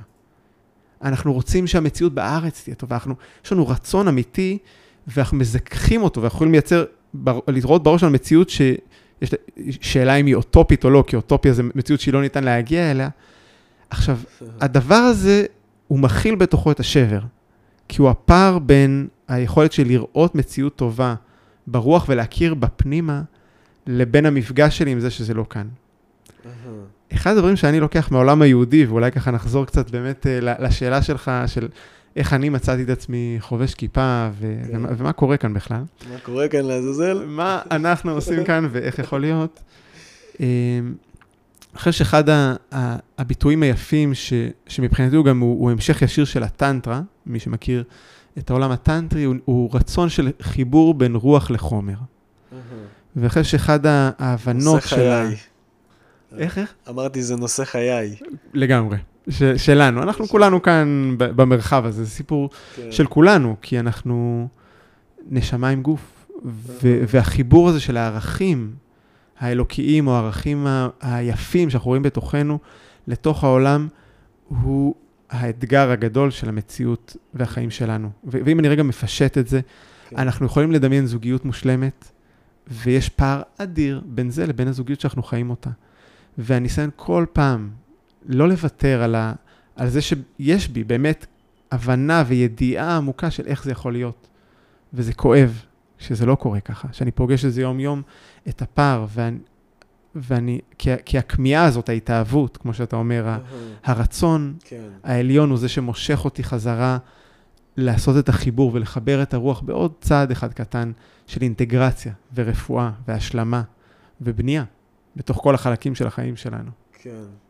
מעניין אותי, התחלת להגיד משהו על העולם הטנטרי. ש... זה רק לי פצצה, יאללה, כן. לך על זה. אמרת ש... התחלת להגיד שכאילו בדרך הטנטרית יש חיבור בין חומר לרוח, אז מעניין אותי אולי כאילו לשמוע על זה קצת. אני יכול להגיד איפה אותי פגשה הטנטרה. וזו עוד דוגמה מופלאה למה שאנחנו מדברים עליו. אני תמיד הרגשתי שיש בי יצר מיני אדיר. ובתור מתבגר, לא היה לי מושג מה אני עושה עם זה, ואיך אני עובד עם הדבר הזה. וכחלק מבנים של, של העולם היהודו-נוצרי, אני חושב שאספנו הרבה מאוד uh, תפיסות של אשמה, ו... אני זוכר שראיתי איזה משהו כזה בפייסבוק, שמישהו אמר, אה, כאילו מה שהדת מלמדת אותך זה שמין זה דבר אסור ומלוכלך, והדבר השני, שאתה צריך לשמור אותו למי שאתה הכי אוהב. אז, אה, אז יש שם איזה קונפליקט, ו, ואני באיזשהו שלב קלטתי בצורה מאוד חזקה ש, שאני רוצה, לא רוצה שיהיה הפרדה בין המציאות הרוחנית, העבודה הרוחנית שלי, התרגול הרוחני שלי, לבין המיניות שלי. משהו שם הרגיש קרוע. והוא באמת הוליד תחושות של אשמה ואפלה ו, ו, ופער אדיר. אומר, כאילו, כאן יש לי כאילו לכאורה יצר שרוצה לקבל ביטוי ואני עושה אותו בהיחווה, וכאן אני שואף לאיזושהי אה, מציאות עליונה והדברים האלה לא מתחברים. מזדהה מאוד. ובפער הזה פתאום חיפשתי פתרונות ו, ו, והתחלתי לשמוע על הטנטרה. אהה, והסתקרנתי מאוד מאוד מאוד. אהה. אה, אני חייב להגיד שנכנסתי בהתחלה מתוך חיפוש שהוא היה כמעט יותר פרקטי. כלומר, אחרי ש, שאני שמעתי על האפשרות של גברים לא לבזבז את אנרגיית החיים שלהם, ואני עוד מהמורה שעבדתי איתו מעל עשר שנים, כאילו קיבלנו את ההנחיה, אל תבזבזו את האנרגיה היקרה הזאת, אבל מצאתי שאני לא מסוגל לעשות את זה בחיים. הייתה לי בת זוג, כאילו, קיבל, נתת לי הנחיה שה, שהציבור איננו יכול לעמוד בה. אהה, והשבר הזה הביא, הביא אותי לחפש איך אני עובד עם, עם האנרגיה הזאת. אהה. אני לא רוצה לבזבז אותה, אבל אני גם לא רוצה להתכחש לזה שהגוף שלי רוצה להיות ביטוי מיני, כלומר, אני לא רוצה להיות נזיר. כן. אני, אני לא מסוגל, כאילו, גם אם הייתי רוצה, זה לא... או אני אצטרך כאילו לכרות חלק מ, מהביטוי שלי, כאילו, מה, מה, מהיצר שהוא חלק ממה שאני. כן. אז שמה פגשתי את הטנטרה. אמ, אבל המורה הראשונה שאני פגשתי, כאילו הייתה מורה אמריקאית, שגילתה לי כמה הטנטרה יכולה להיות דרך של לב ורפואה, אבל לא היה לה כל כך את הידע שחיפשתי. אז המשכתי לחפש, ועד שמצאתי גם מורה, מורה גבר, שידע ללמד אותי את החלקים האלה, אמ, וזה באמת היה נקודה אלכימית אה, מדהימה אה, וטובה במסע שלי. שהעמקתי בה הרבה מאוד. אני, אני עונה לך לשאלה? כן, עונה לי על השאלה, אני, אני התכוונתי יותר לדייק את זה למקום של חיבור בין חומר לרוח, שנראה לי שזה גם הנקודה ש... אבל אם לא, אז, אז, אז, אז, לא אני, בהכרח. אז, אני, אז אני ממשיך כזה בכיוון שלך. כן. אז הטנטרה מספרת סיפור ואפשרות להגיד שגם מיניות יכולה להיות מקודשת. ו, ויותר מזה, היא, היא אומרת, כאילו, האקט המיני הוא שיא השיאים של המציאות, ה, של הדבר העליון ביותר. החיבור בין הזכרי לנקבי. והיא גם מציעה עולם שלם של טכניקות ופרקטיקות אה, להרחיב ולהעמיק את החוויה המינית, להוציא אותה רגע מהמרחב. אם אנחנו רגע דיברנו על, על הרמות השונות של התודעה, אז נגיד אחד המודלים המאוד יפים לתאר רמות שונות של תודעה זה מודל הצ'קרות. אהה. שבע, שבע הצ'קרות שמופיע בתוך אה, גם העולם הטנטרי וגם העולם הוודי, כלומר העולם ההודי. כן. ואומר, אנחנו יכולים לבטא מיניות מצ'קרה אחת, ממקום של הישרדות, מצ'קרה שתיים, ממקום של הנאה, ניצול מ- מצ'קרה שלוש, מקום של כוח ושליטה. יכולים להגיע לפורטל המשמעותי ביותר, הלב, המקום שבו בעצם יש חיבור בין רוח לחומר, הנשימה, המרחב של אהבה. ביטוי עצמי, מודעות עליונה וחיבור לנשגב, רמות שונות של תודעה ש- שמחברות אותנו בתוך המרחב המיני. אמ, אני, אני אולי ככה אקדם אותנו מזה שאני אחשוף כאן עוד, עוד משהו מהסיפור שלי. יאללה. אמ, בשיא הלמידה וההכשרה הטנטרית שלי, באמת אחרי שלמדתי אצל מורים שונים ו, ועברתי הכשרות, אמ, התחלתי להעביר סדנאות אה, טנטרה. יש, יש להגיד ש... כאילו, הטנטרה אצלי תמיד התחברה למקום שהוא הוא לא דיבר על פתיחות מינית כל כך, או על, אה, על יכולת, כאילו, על פולי-אמוריה, דברים שהיום בארץ אה, מאוד מאוד מתקשרים למושג הזה. אהה. זה, זה עדיין היה מקום מאוד מאוד אה, שחיפש דרך לעבודה בתוך משפחה וזוגיות. אהה. ומצא את עצמי מלמד ומעביר ריטריטים של טנטרה, ו- וזה היה מדהים, כאילו, וטוב ומיוחד, וגם, אתה יודע, אפרופו הדברים שהחיים מביאים אותנו, כאילו פתאום אני מוצא את עצמי במקסיקו, מעביר ריטריט, ריטריטים בשבעה ערים שונות, כאילו, בספרדית, לזוגות, ואתה אומר, וואו, איך הגעתי לכאן, איזה מדהים. אמ, רק שבאותה תקופה גם אה, דיברתי כבר על, על זוגיות מאוד משמעותית ש, שהתפרקה לי, ופתאום מצאתי שאני, שאני רווק, וחלק מהפרויקט האישי שלי, לנסות למצוא איך אפשר לחיות בזוגיות בצורה טובה, כאילו אני מגלה שיש איזשהו פער. וגם פתאום הסתכלתי ואמרתי, אני, אין לי מודלים מספיק טובים. ובאמת שהמורה הזכר ש, שלימד אותי, הוא אחד הטיפ, הטיפוסים הפרועים והמדהימים שפגשתי. הוא, הוא כאילו תמיד אמר לי, אור, תשמע, אני לא מבין מה הקטע שלך עם הרצון לזוגיות. כאילו, מבחינתי זוגיות זה אחד הדברים שהכי אה, כובלים את ההתפתחות הרוחנית. אבל אם אתה רוצה למצוא דרך, כאילו, שהזוגיות שלך תהיה רוחנית, ושהדבר הזה יעבוד, תמצא מי מלמד את זה. מי, who embodies that. מי מגשים את זה ממש בחיים שלו. ופתאום, כאילו, קלטתי שאין לי מודלים. שהמורה האמריקאית שאיתה למדתי היא רווקה, אה, בת, כאילו, מתקרבת לגיל 60, עם קצת חרדה מגברים. אה, המורה שלה, המייסדת של הבית ספר, היא היום, כאילו, היא אוביס, היא שמנה מאוד, כאילו, אחרי דיכאון, כי הבן זוג שלה עזב אותה, אה, והוא זה שייסד איתה את הבית ספר. ובעצם אין כאן אף אחד בתוך הבית ספר הזה ספציפית, כאילו שנותן לי מודל שאני מאמין בו, והוא אותנטי ל... לאיך איך הדבר הזה עובד. כאילו, יש כאן דיבור גבוה ומדהים, וטכניקות אדירות שעובדות, אבל איך מורידים את זה לחיים ממש? עוד פעם, פער. ואני נכנסתי למשבר, ואחת התכונות uh, שלי, כאילו שהן טובות ו- ומורכבות כאחת, אם אני לא מרגיש שאני חי את זה וזה אמיתי לי, אני לא יכול ללמד את זה. ו- ואני, ו- וזה פשוט דוחף אותי לחפש עוד תשובות ומורים אחרים ודרך אחרת, שבה זה יעבוד. כאילו, ו... מעניין עד עכשיו? מעניין מאוד. יופי. מעניין מאוד, כאילו, לא, כי מעניין אותי כבר להגיע למקום שהיום אתה בין, עם, כן. עם משפחה, ונראה לי במערכת יחסים שהיא לא... אה, פוליגמית, לא יודע איך לקרוא לזה. שהיא מונוגמית, כן. שהיא מונוגמית, כן. כן, אז, אז, אז רק בשביל ככה להעמיק את המתח, כאילו אני חייב להגיד ש... כאילו גם בשיא המקום הזה אני באמת אמרתי לעצמי, אני לא בטוח ש... שזוגיות זה הקטע שלי, כלומר, חוויתי הרבה מאוד מערכות יחסים, זוגיות מדהימות וטובות, אבל אמרתי, אני לא חושב שאולי לחיות עם מישהי אחת זה משהו שיכול לעבוד לי, אני לא רואה איך אני מוצא תפיסת עולם שעובד את זה. הסתכלתי בכאב אדיר על, על העולם היום, במיוחד העולם החילוני, כך נקרא לו, או... ש...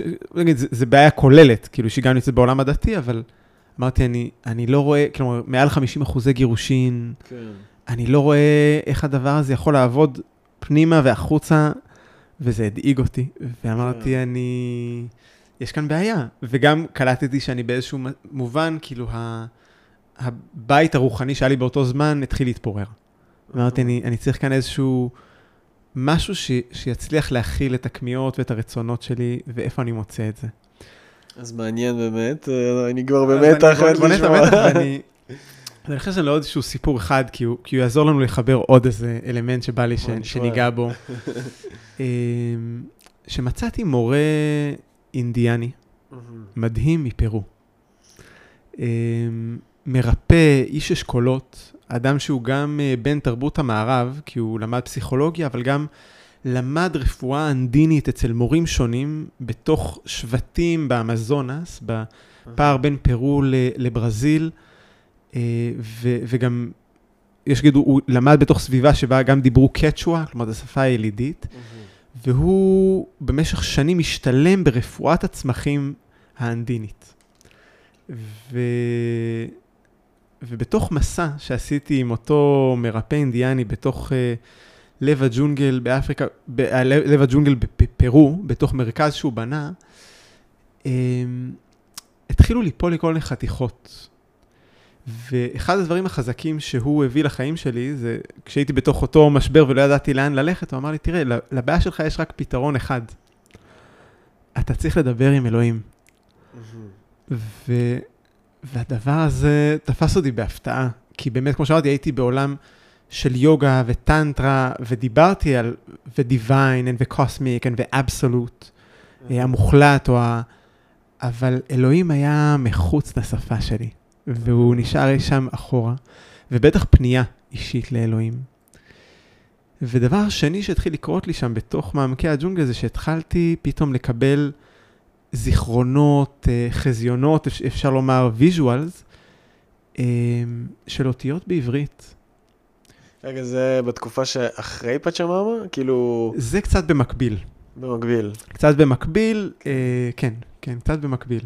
אוקיי. קצת לפני וקצת במקביל, אני, כלומר, זה מספר מפגשים שהיה לי איתו, זה לא מפגש אחד, זה תהליך, תהליכים שלמים ש, שבהם יש צמחים שעוזרים אה, לחזור לעצמך, ממש ככה. אה, רק, את הדוגמה, אותו מרפא אינדיאני מדבר על כ-40 צמחים שגורמים להכאה. ובתוך הרפואה האנדינית, כל צמח עוזר לך להוציא מתוכך אנרגיה שונה. כלומר, יש צמח אחד, לדוגמה, שהוא מאוד אפקטיבי בשביל לנקות אנרגיה של כאב אחרי פרידה. אשכרה. צמח אחר שעוזר לך להקיא התמכרות לאלכוהול. מרתק. אבל יש לומר שאחד הדברים המיוחדים ש... שהוא מספר על הרפואה האנדינית, הוא אומר שזה רפואה, בניגוד לרפואה המערבית, שבה אתה זה שמרפא את עצמך. כלומר, זה לא רופא חיצוני שבא ורואה את הבעיה ונותן לך את הפתרון או את הכדור, אלא אתה מזהה את הדברים בתוכך ואתה עושה עבודה כדי לנקות בתוכך את הדברים. אז דבר אחד שהוא הביא לי זה אמר לי, לך תדבר עם אלוהים, ודבר שני שהוא הביא מאוד מאוד חזק, וכשהייתי שם בתוך אותו ריטריט במעמקי הג'ונגל, היו שם נשים מכל העולם. ואחד המסרים הגדולים שהוא הביא זה, הוא אמר, אין דרך להביא רפואה לעצמך בלי לחזור לשורשים של המקום בו נולדת וגדלת. עשית לי צמרמורת עכשיו. אמ, אני גם חש את זה. כי, כי זה באמת היה כואב ומרגש כאחד, לקלוט כמה ברחתי מכל מה ש... מההיסטוריה שלי, כאילו מהמסורת של הורים והסבים שלי. כאילו אני כאן בא ללמוד מתוך תרבות עתיקה ומדהימה, שקיבלה איזושהי מסורה, איזשהו ידע עתיק שעבר ב, בתוך עידנים, והם שימרו באמת ידע של איך, איך להשתמש ולחיות את עולם הצמחים, ואחד ה... ואיך לחיות בהרמוניה עם עולם הטבע, ו- ולהתייחס לדברים כמו אימא האדמה או הפצ'ממה, ו- ו- ולהשתמש בכוחות הטבע. Uh-huh. פתאום גם היה שם שבירה מאוד גדולה של, של מהי תפיסה, של הטעות של המערב לחשוב את התרבות הזו כתרבות פגאנית. אבל בתוך זה גם קלטתי את השבר האדיר בחיים שלי, שאני הפניתי עורף לשורשים שלי. לחכמים והחכמות וההוגים והנביאים והקדושים, אם נשתמש כן. במילה הזאת, שהם חלק מההוויה שלי, והשפה, שהיא יותר משפה, היא קוד, בורא מציאות, שהיא השפת אם שלי. אה, והמדינה שאתם יכולים לדמיין.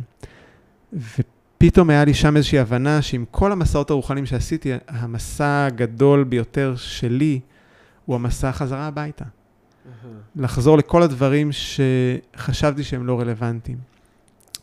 ושהייתי כל כך אטום מ- מלראות אותם. יש להגיד שגם זה העלה בי כעס.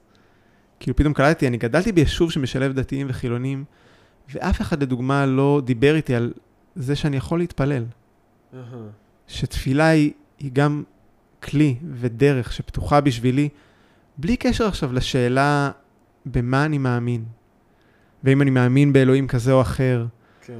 בשאלות האלה אנחנו לא נכריע, אבל האם להבין שתפילה היא משהו שהוא פתוח, הוא ערוץ בשבילי. להרגיש שאני גם יכול להרגיש שייכות לתנ"ך, לראות אותו, גם אם יש לי ביקורת ולא הכל מובן שמה.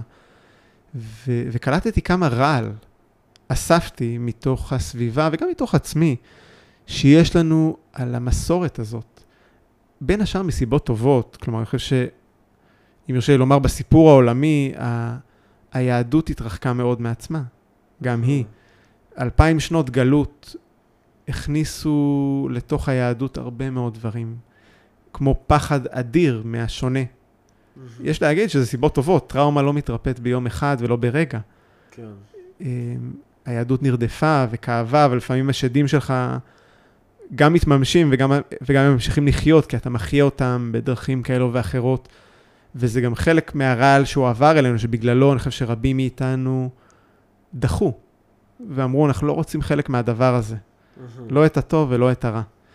אה, אבל לקלוט את הדבר הזה ולקלוט ש, שיש משהו שקורה לי הביתה, ו, ובתוכו אני אגיד גם, כאילו, ניתן עוד איזה משהו ממה שקרה לי אחרי זה, כלומר, בסופו של דבר, גם הקריסה של פצ'ממה כאופציית מגורים ומחיה והבנה. מעניין אותי, לך להגיד שתי מילים, מה, מה קרה שמה? כן, מה קרה.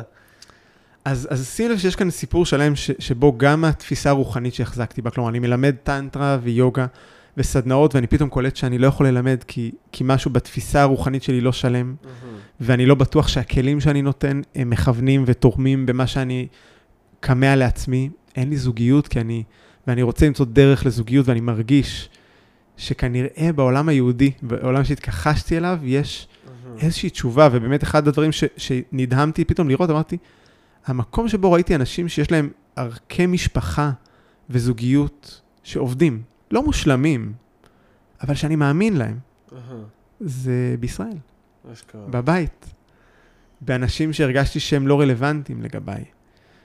אה, אבל, אבל יש שם משהו, יש שם איזושהי חוכמה, חוכמת שבט, שקירבה אותי לאינדיאנים באיזשהו מובן, אמרתי, כאילו, אוקיי, גם האינדיאנים מדברים על משפחה, ועל, אבל, אבל זה, זה קרוב אליי, ופגשתי את האינדיאנים בכל מיני סיבות. כן. אז, וגם איזשהו שבר סביב הפנטזיה שלי לגבי קהילה בינלאומית אה, בפצ'ממה, ששוב, בלי להגיד שום מילה רעה על המקום המדהים והנפלא הזה, יותר משהו פנימי, שקלטתי את המורכבות ואת הקושי, ו- ובעיקר קריאה פנימית, שהמציאות, העולם, ההוויה, הסיפור הגדול, הבלתי מוסבר, או אלוהים, קוראים לי לחזור הביתה. ואני מוצא את עצמי אחרי מעל שש שנים של חיים בחו"ל, שכבר הייתי בטוח, בטוח שאני, כאילו כבר הסתכלתי על אדמות, כאילו כבר כמעט קניתי בית, הייתי בטוח שאני אחיה שם, היה לי אתר וכאילו, ועולם שלם, כאילו של קריירה, שהוא גם בעולם העסקי, שלא נגענו בזה בכלל, כאילו ש, שעבד, שעדיין אני עובד באמריקה הלטינית, בעולם העסקי, אבל של מרחב סדנאות וריטריטים ש, שצמא לקבל עוד, וכאילו, ולכאורה מקום שחשבתי שהוא יהיה הבית שלי, ואני חוזר לארץ, במובן מסוים, בלי כלום, אה, עם איזושהי תחושה שאני צריך לבדוק מחדש את העולם היהודי. אבל פחד אדיר, כאילו, אחד הדברים שאמרתי, אמרתי, מה, כאילו, אני אהיה דוס? אני, כי גם אחד המורים שהתחלתי לשמוע אה, כבר, אה, כאילו, בחו"ל, הוא היה מורה חרדי, ש, שהחזות שלו לפחות היא חרדית, ו, ופחדתי פחד אימים, כאילו, להיכנס בדלת הזאת. אמרתי, אני, אני לא מאמין, כאילו, אני, אני לא רוצה להיות דוס, אני... אבל איזשהו חיפוש אחר האמת שהיה חזק ממני, אמר, אבל אני צריך לבדוק את הדבר הזה. ו... וככה עם הזנב בין הרגליים, שבור, מפוחד קצת, חזרתי לארץ, כאילו אחרי הרבה מאוד זמן. אמ, ויש לומר, אני עדיין בתוך הסיפור הזה. כלומר, מבחינתי זה, זה רבדים על גבי רבדים, פרק לתוך פרק. אה, וגם בתוך זה, כלומר, הצלילה הראשונה שלי של מה שקוראים לו חזרה בתשובה, הייתה, כמו שמתארים, איזשהם אורות ענקיים ו- ותחושה אדירה של, כאילו, הנה, זה כל מה שחיפשתי, ומת... ו- ו- וקשה לתאר, כאילו, כמה זה נפלא, כאילו, למצוא את זה. כן. ופתאום לראות את האיכות המדהימה של דמויות כמו דוד המלך, והרב קוק, ו- ועולם שלם. דרך אגב, אפרופו דיברתי על לחזור הביתה, אז פתאום זה היה חזרה לעולם שהיה כל כך חלק ממני, חזרה לעולם האינטלקטואלי, של ללמוד, לשבת לילות ולראות איזה עוצמה והערה רוחנית מדהימה יש, שאתה צולל לספרים של אנשים מדהימים שכתבו אותם, והם הספר, ואתה מתחבר להוויה ולישות שלהם, וואו. ויחד עם זאת, אה, קלטתי גם כמה מורכבויות יש כשאתה חוזר הביתה, כאילו, מי, ש, מי שחווה את זה עכשיו בטיול בחו"ל, וחוזר פתאום להורים או לבית של ההורים, ובהתחלה זה מדהים וכמה התגעגעתי, ופתאום אתה אומר, רגע, אבל כאילו, יש כאן הרבה דברים שלא קל לי איתם, שהם מורכבים, כן. שהם לא פשוטים. שבגללם עזבתי. שבגללם עזבתי, ממש ככה, בדיוק. אמ, אז, אז אני חושב שכאילו, אני מספר את הסיפור האישי שלי גם, כי אני חושב שזה סיפור שיכול להדהד לכולנו, כאילו בתוך המסעות של כולנו, ולכן אני גם, אני מאוד משתדל לא, לא להטיף. אני חושב שאחד התובנות הגדולות שלי, ו, והיא תובנה לא הכי יהודית, באיזשהו מובן, אני מעז להגיד, אני לא חושב שיש דרך חיים אחת עליונה על אחרת. האמת שאני חוזר בי, זה, זה מאוד יהודי. אם אנחנו מדברים על, על, יעד, על הפנימיות של היהדות, אבל, אבל זה נשכח באיזשהו מובן ב, בשיח הרדוד. לכולנו יש מסעות מופלאים שלוקחים אותנו למיליוני דרכים ומקומות. מי יודע איפה אנחנו צריכים להיות? כאילו, זה לא, שכל אנושי לא יכול לדעת. מי אני, מי אני יודע למה אתה או את נמצאים ולמדתם את כל המארג המורכב והמדהים של החיים שלכם? כן. אני כן יכול להגיד שככל שאנחנו מוכנים לפגוש את זה ולחזור הביתה לכל החלקים האלו של עצמנו, מה שאנחנו מוצאים שם זה את כל הפנינים והיהלומים שהתחבאו בתוך הבוץ. ואנחנו גם מתחברים ל... כלומר, לא עידן חדש, אלא עידן מחובר, עידן שמחובר לכל ההוויה, לכל ההיסטוריה. אה, זה היו אבות אבותינו שעשו מלחמות, אבל גם שהמציאו ויצרו את כל החוכמות. הכל שם, הכל נהרג, ו- ואני חושב שלי יש איזושהי תחושה קצת מונומנטלית, לפעמים קצת דרמטית, כאילו שהסיפור האישי שלנו הוא סיפור קוסמי, אדיר, שמסופר דרכנו. ו- ואני לא יודע מי מתחבר לזה, וב- אבל, אבל אני רואה את זה ומרגיש את זה. זה, זה הרבה להכיל, אבל זה גם פוגש אותנו בדיוק במקום ובזמן וברגע הנכונים, כדי למצוא את הכיוון הזה, ל... לבדוק מה, עם מה אנחנו יכולים לעשות שלום ולהחזיר הביתה היום. קצת בשביל לתת עוד איזה נופח לכל מה שאנחנו מדברים עליו, אני רוצה להקריא איזה קטע קטן, אה, פיוטי, אה, הרב קוק, אורות הקודש. לכל מגמה עליונה שבעליונים, צריכים להשתמש בכל האמצעים, ולשלב את כל הדרכים יחד, לזווגם זה עם זה, ובאופן שכל דרך יוסיף לחברו אומץ וחיים. כלומר, בשביל להתרומם למקום העליון שלנו, אנחנו צריכים לחבר את כל החלקים שלנו. אומנות ומלאכה, כישרון מסחר ועוז אמת, גבורה וחיל, שירה ויופי, תפילה ותורה, אהבה וחסד מלא, ואומץ רוח מלא עוז, בהירות דעת וביקורת רח- רחבה ועשירה, ותום לבב, באמונה עליונה, באוצר חיל וחוסן.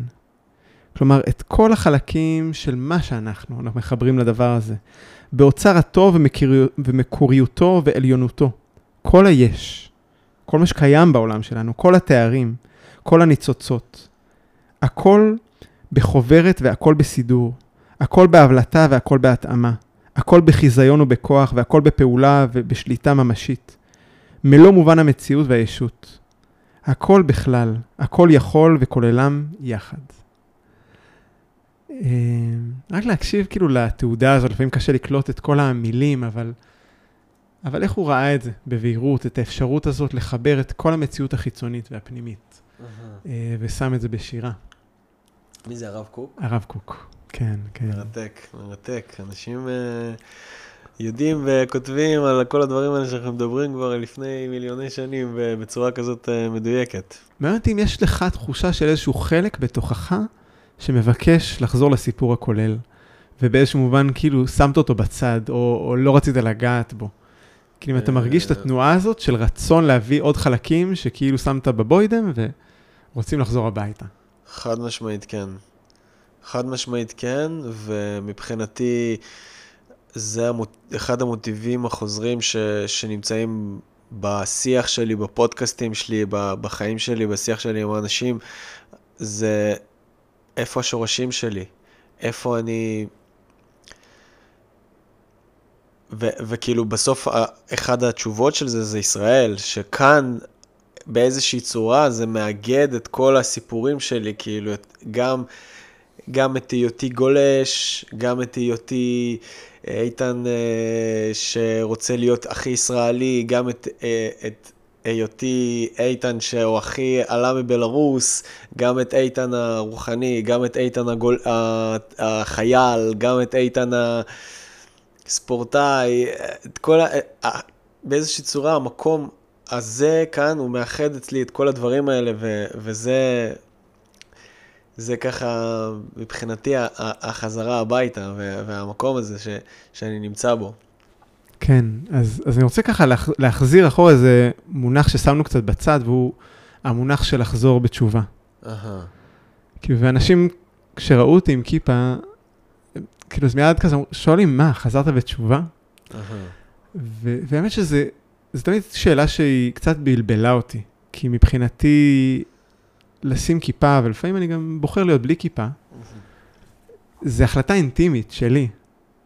וזה פשוט מעניין שאנשים פתאום פונים ושואלים אותך, כאילו, כאילו משהו קרה. והאמת היא שמבחינתי, זה המסע של כל החיים שלי, לחזור בתשובה. כלומר, אחד הביטויים של לחזור בתשובה זה לשוב היי, hey, לשוב למקור, לאלוקות, לאחדות. וזה בעצם המסע העמוק שלנו לשוב, לחזור הביתה, לכל החלקים הפנימיים והחיצוניים ולבקר אותם, ולתת להם מקום נכון וטוב, בהתאמה, כמו שאומר הרב קוק, בתוך ההרמוניה. והדבר הזה, הוא לא, הוא לא בהכרח אומר שנגיד, בסיפור שלך, שעכשיו אתה חייב לחתום חתולה קתולית עם, עם ישראל. נכון, נכון. יכול להיות שהדבר הזה יביא אותך להיות פעם בשלוש שנים בפצ'ממה לשנה, איזה כיף. כן, נכון. למה לא? נכון. כאילו ש... וכל העולם שפה אחת, ו... והמציאות הזאת היא מציאות אחת. כאילו שיש בה הרבה מאוד גוונים, ש... נכון שמחכים מאוד. להיות חלק מהסיפור השלם הזה, שעוד פעם אנחנו חוזרים אולי לגם וגם הזה. נכון מאוד, כן. אני אוסיף פה דבר אחרון, ואנחנו כבר uh, ככה נגיע לסיכום. Uh, עם, ה, עם ההרגשה שהתחלתי להרגיש שישראל זה המקום שלי, והתחלתי לאהוב את המקום הזה, עכשיו, לא נעלם לי התחושה של אני רוצה ללכת לטייל ולחקור. אני פשוט עושה את זה לא ממקום של אני רוצה לברוח מפה. אני עושה את זה ממקום של טוב לי פה, אני אוהב כן. את המקום הזה, וזה בסדר גם לאהוב עוד מקום, ולהיות בעוד מקום, גם וגם. זה לא, זה לא פשוט, זה לא בא במקום של כזה, טוב, סיימתי פה את הסיפור שלי, ואני טס מפה, ואני לא חוזר, זה לא טוטאלי כזה. אני אוהב את זה, ואני אוהב את זה. כן, אחרי שמה שאמרת הוא, הוא נכון, וזה... כשזה מפסיק להיות במלחמה פנימה, שאני לא צריך להתנגד לזה, uh-huh. שזה טבעי. כן. שזה טבעי, זה שלם, אז אני פשוט אוהב את ההורים שלי ואת המדינה שלי, בלי קשר לשאלה כמה זמן אני עכשיו מבלה איתם, או... Uh-huh. אני פשוט, יש שם מקום של קבלה והכלה, ושלמות ונינוחות, וזה מסע שממשיך לפגוש אותנו בצורה ספירלית. ובא לי ככה, שאנחנו כזה מתחילים לקראת הסוף, רגע להגיד לך משהו, ו- ולחזור דרך זה לסיפור אה, שאיתו פתחתי. אני בפצ'ממה, שבור, גמור, ואחד הדברים שהכי הצילו אותי, זה מישהו שאתה דווקא מכיר, כאילו יש הרבה מאוד חלקים, אבל ספציפית, חבר שלי, אה, מלך העולם, יאטי אור. אה, התחברנו באותו זמן, ויותר מכל אחד אחר, לא הפריע לו שאני בשפל של החיים שלו. יותר מזה, הוא, הוא המשיך לראות בי את האיכויות המדהימות שיש בי. גם שאני הייתי במקום שמאוד לא ראה אותם בעצמי. ואחרי שהנקודה שאני רוצה להבליט היא שהאדם הוא רפואה לאדם. אנחנו רפואה אחד לשני. הנראות וההקשבה, ביכולת שלנו לפגוש אחד את השני ולשמוע ולהקשיב לסיפור, הוא חלק מהדרך שלנו לחזור הביתה. ובהקשר הזה רציתי להחמיא לך מאוד אה, על הפודקאסט הזה, שכאילו ש... סביב הרקימה, הדרך המופלאה שכזה גם הזמנת אותי לכאן, כאילו, והתחלתי להקשיב יותר לפרקים, משהו עמוק ויפה התחבר לי, והתמלאתי השראה ממה שאתה עושה. זה כיף, וואו. כי, כי אני מרגיש שאתה מביא כאן משהו שהוא לא מתיימר להיות מוצר מוגמר. אתה מרשה לעצמך להביא את עצמך כמו שאתה. מחפש, בודק, חברי, בגובה העיניים, לפגוש אנשים ולעשות שיחות שמעניינות ומעוררות בך השראה. וזה אדיר. כי, כי לפעמים אנחנו מחפשים להיות באיזשהו מקום מוגמר ומושלם, ואני, כאילו באיזשהו מובן אני מרגיש שכולנו צריכים איזה פודקאסט אישי שלנו. שזה לא משנה באמת מי, מי יקשיב לו או לא. בסוף הסיפור הוא מעניין, אבל שנתחיל להיפגש עם כל האנשים בחיים שלנו שאנחנו פוגשים, וננהל איתם שיחות משמעותיות על מה שראוי לדבר עליו. איזה דבר מופלא ונכון ואמיתי, וכמה רפואה יש בזה. כי, כי אני חושב שאתה אפשרת לי, ותודה רבה, לספר את הסיפור שלי כמו שמעולם לא סיפרתי אותו. ומי יודע אם יהיה בן אדם אחד או שתיים, או מישהי ש... שזה ייגע בהם, ויעשה להם משהו טוב, ויזכיר להם משהו מעצמם, ו... ויביא אפילו קצת רפואה, ואולי גם יותר. באדוות, ואנחנו לא יודעים איך זה משפיע, ואולי ככה לספר עוד משהו יפה. דיברתי על יאטי, אז באורח פלא, כשסיימנו את העונה בפצ'ממה, עלינו להר בקוסטה ריקה, בסן חוזה, ולימדתי אותו איזושהי טכניקת נשימה שלמדתי. יאטי כל כך התפעם מהטכניקה הזאת, שהיא טכניקה של מורה בשם ווים הוף, שהחליט שהוא משנה את כל החיים שלו ולומד להיות מורה של הטכניקה הזאת. אה, והוא באמת נהיה מורה מדהים, אחרי זה הוא קנה מקרר והתחלנו לעשות טבילות קרח, והיום אני מאוד ממליץ לכם לבדוק ולבקר את יאטי בפצ'מאמה, בכל מקום שהוא נמצא, ולעשות איתו טבילת קרח, ובדרך קוסמית המתנה שהוא נתן לי גם הדהדה חזרה, אז אני רוצה ככה להגיד שכשאנחנו אוהבים מישהו אחר, אז, אז הטוב עובר דרכנו, ומתאפשר דרכנו וקורה. אה, ובא לי להוסיף עוד דבר אחרון כזה, שאני מרגיש שלא נגענו בו, למרות שדווקא דמיינתי שנדבר עליו הרבה, אה, והוא פשוט הפרק המאוד חזק גם שאני נמצא בו היום, והוא החזרה לטבע. אה, אני מרגיש שאולי אנחנו צריכים פודקאסט שלם כן, אחר בשביל לדבר. לי, כן, האמת שמשם התחלנו, כאילו, שם זה היה ההתכווננות הראשונה שלנו. אז אנחנו נשאיר את זה כאמירה ואולי כטיזר, כן. אבל אני אגיד שאני גם היום מאוד מאוד עסוק. בשאלה של מה שקוראים לו היום משבר אקלים, ובסוגיה הפוליטית הרחבה של מה שקורה לטבע שלנו. ואני חושב שהדבר הזה בסופו של דבר הוא שיקוף של העולם הפנימי שלנו, יש משבר עמוק. והדבר הזה, יותר משהוא דורש פעולות חיצוניות של הצלה, הוא דורש מאיתנו ללמוד להתחבר לטבע. וזה אחד הדברים שאני גם מלמד את עצמי היום, בתוך בית ספר מדהים, או מרחב, יותר נכון, מרחב לחינוך טבעי, עם חברי היקר איתן חסיד, ושם אנחנו גם עושים תוכניות מדהימות שמלמדות אנשים להיות מרפאים טבעיים, ואני בתהליך של ש- שזירה ויצירה, בעזרת השם, יקרה בקרוב, ונפתח עוד השנה, מחזור ל... אה, כאילו בעצם תוכנית שנתית להובלת תהליכי התפתחות בחיבור לטבע, בגישת החינוך הטבעי. וזה בעצם אה, דרך להיפגש במרחב מרפא שמלמד אותנו איך לרקום מרחבים. אז כמו שאני אומר שכל אחד צריך פודקאסט, אני מרגיש רבים מאיתנו צריכים לפתוח איזשהו מרחב, ואת הכלים, והרעיון זה לתת מרחב שנותן את הכלים ואת הכוחות, ועוזר לכל אחד למצוא את הייחודיות, את התביעה הייחודית והטובה שלו, את החוזקות, ואיך לעבוד עם החולשות שלו, ואיך להבשיל כדי להוציא ולתת את המתנות הייחודיות והמדהימות שיש לכל אחד מאיתנו לעולם. יס, אמן. בחיבור עם הטבע, כי הטבע חשוב. בחיבור עם הטבע, כן. האמת שבאמת אה, זה נושא ענק בפני עצמו, שאיכשהו לא יצא לנו לגעת בו, אבל אני לאחרונה מרגיש שאתה לא היחיד שיש לי איתו כל מיני נושאים שהייתי רוצה לדבר עליהם, אז יכול להיות שיהיה לנו פרק ב', פרק 2, וזה... זה... יכול להיות מגניב. נשאיר את זה ככה פתוח.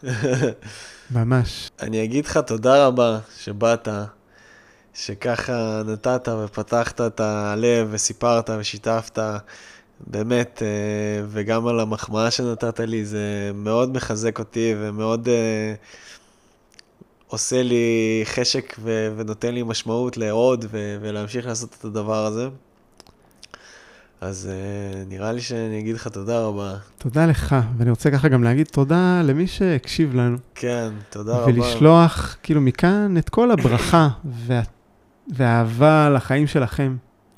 איפה שלא תהיו, בתוך איזה סיפור שאתם לא מספרים. ולאחל לכם הרבה מאוד רפואה ודרך טובה, דרך של לב. אה, אם זה נגע בכם, ספרו לנו, תשתפו אותנו בזיכרונות, מחשבות, דברים שעולים לכם מתוך זה, mm-hmm. ושנברך ככה את החיים שלנו. כן. נביא עוד אור ועוד uh, חיות למציאות שאנחנו חווים כדי לחיות יחד בשלום. אמן. אמן. תודה רבה. תודה רבה לכולם.